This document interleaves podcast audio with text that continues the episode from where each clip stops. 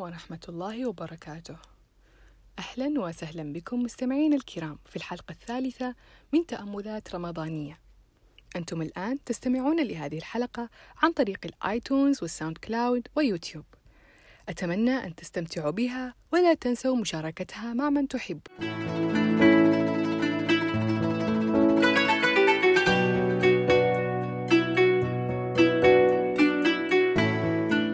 في هذا البرنامج نحن نسلط الضوء على بعض الآيات والقصص القرآنية أو حتى بعض المواقف وما هو موجود في تاريخ العرب لنتوقف عندها ونتأملها بجوانب مختلفة. وندع التدبر في معانيها يأخذنا إلى وعي أكبر وإدراك أوسع لنرى الحكم خلفها التي لم نراها من قبل. لنبدأ ثالث تأملاتنا في شهر التدبر والتأمل فكونوا معنا.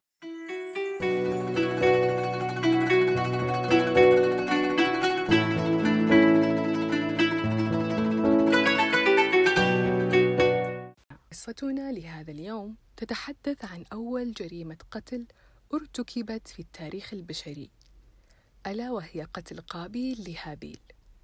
ومن التأمل في هذه القصة نستخرج الكثير من المعاني والحكم. هناك الحسد والغل والشح ولكن في المقابل هناك العطاء والكف عن الأذى والخوف من الله. ابني نبي تقاتلا وقتل أحدهما الآخر. فلم ينتهي الحقد من قلوب البشر إلى يومنا هذا. كيف يتم التعامل مع الأذى؟ وما هو أكبر عدو للإنسان؟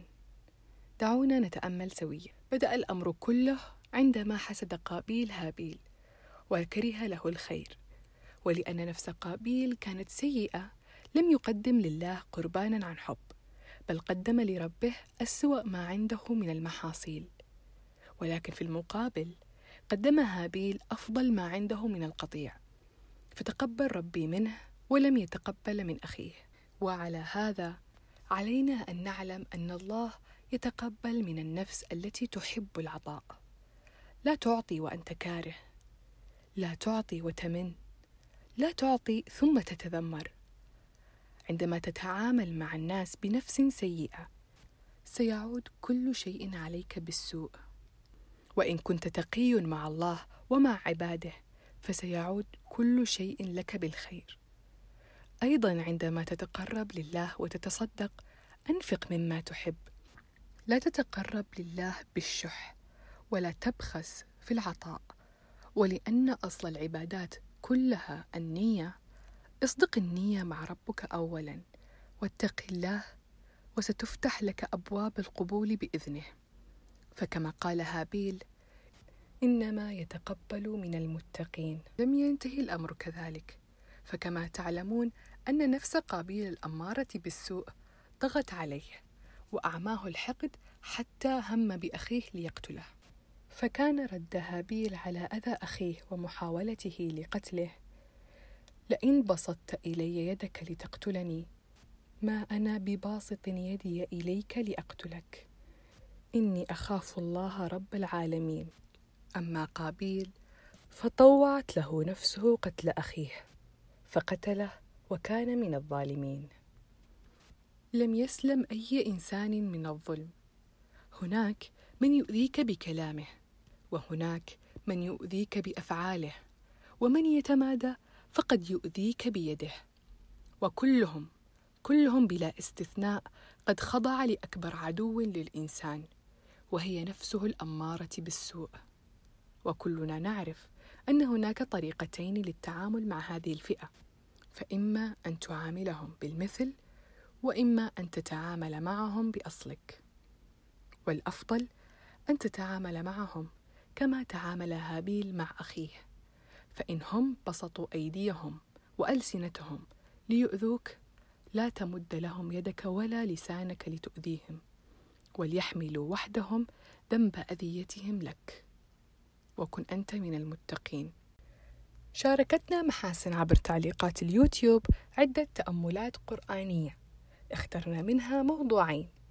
الأول وهو قصة الرجل الذي مر على قرية خاوية وقال أنا يحيي هذه الله بعد موتها.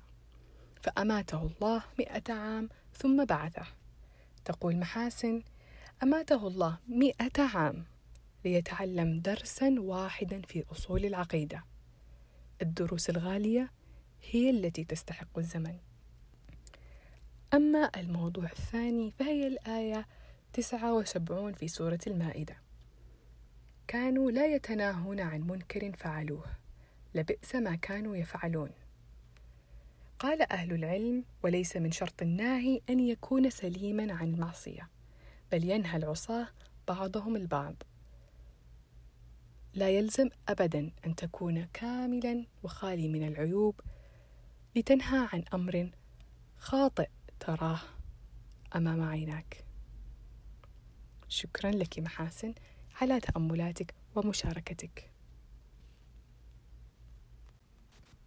شكرا لكم مستمعين الكرام. هذا البودكاست تطوعي بحت.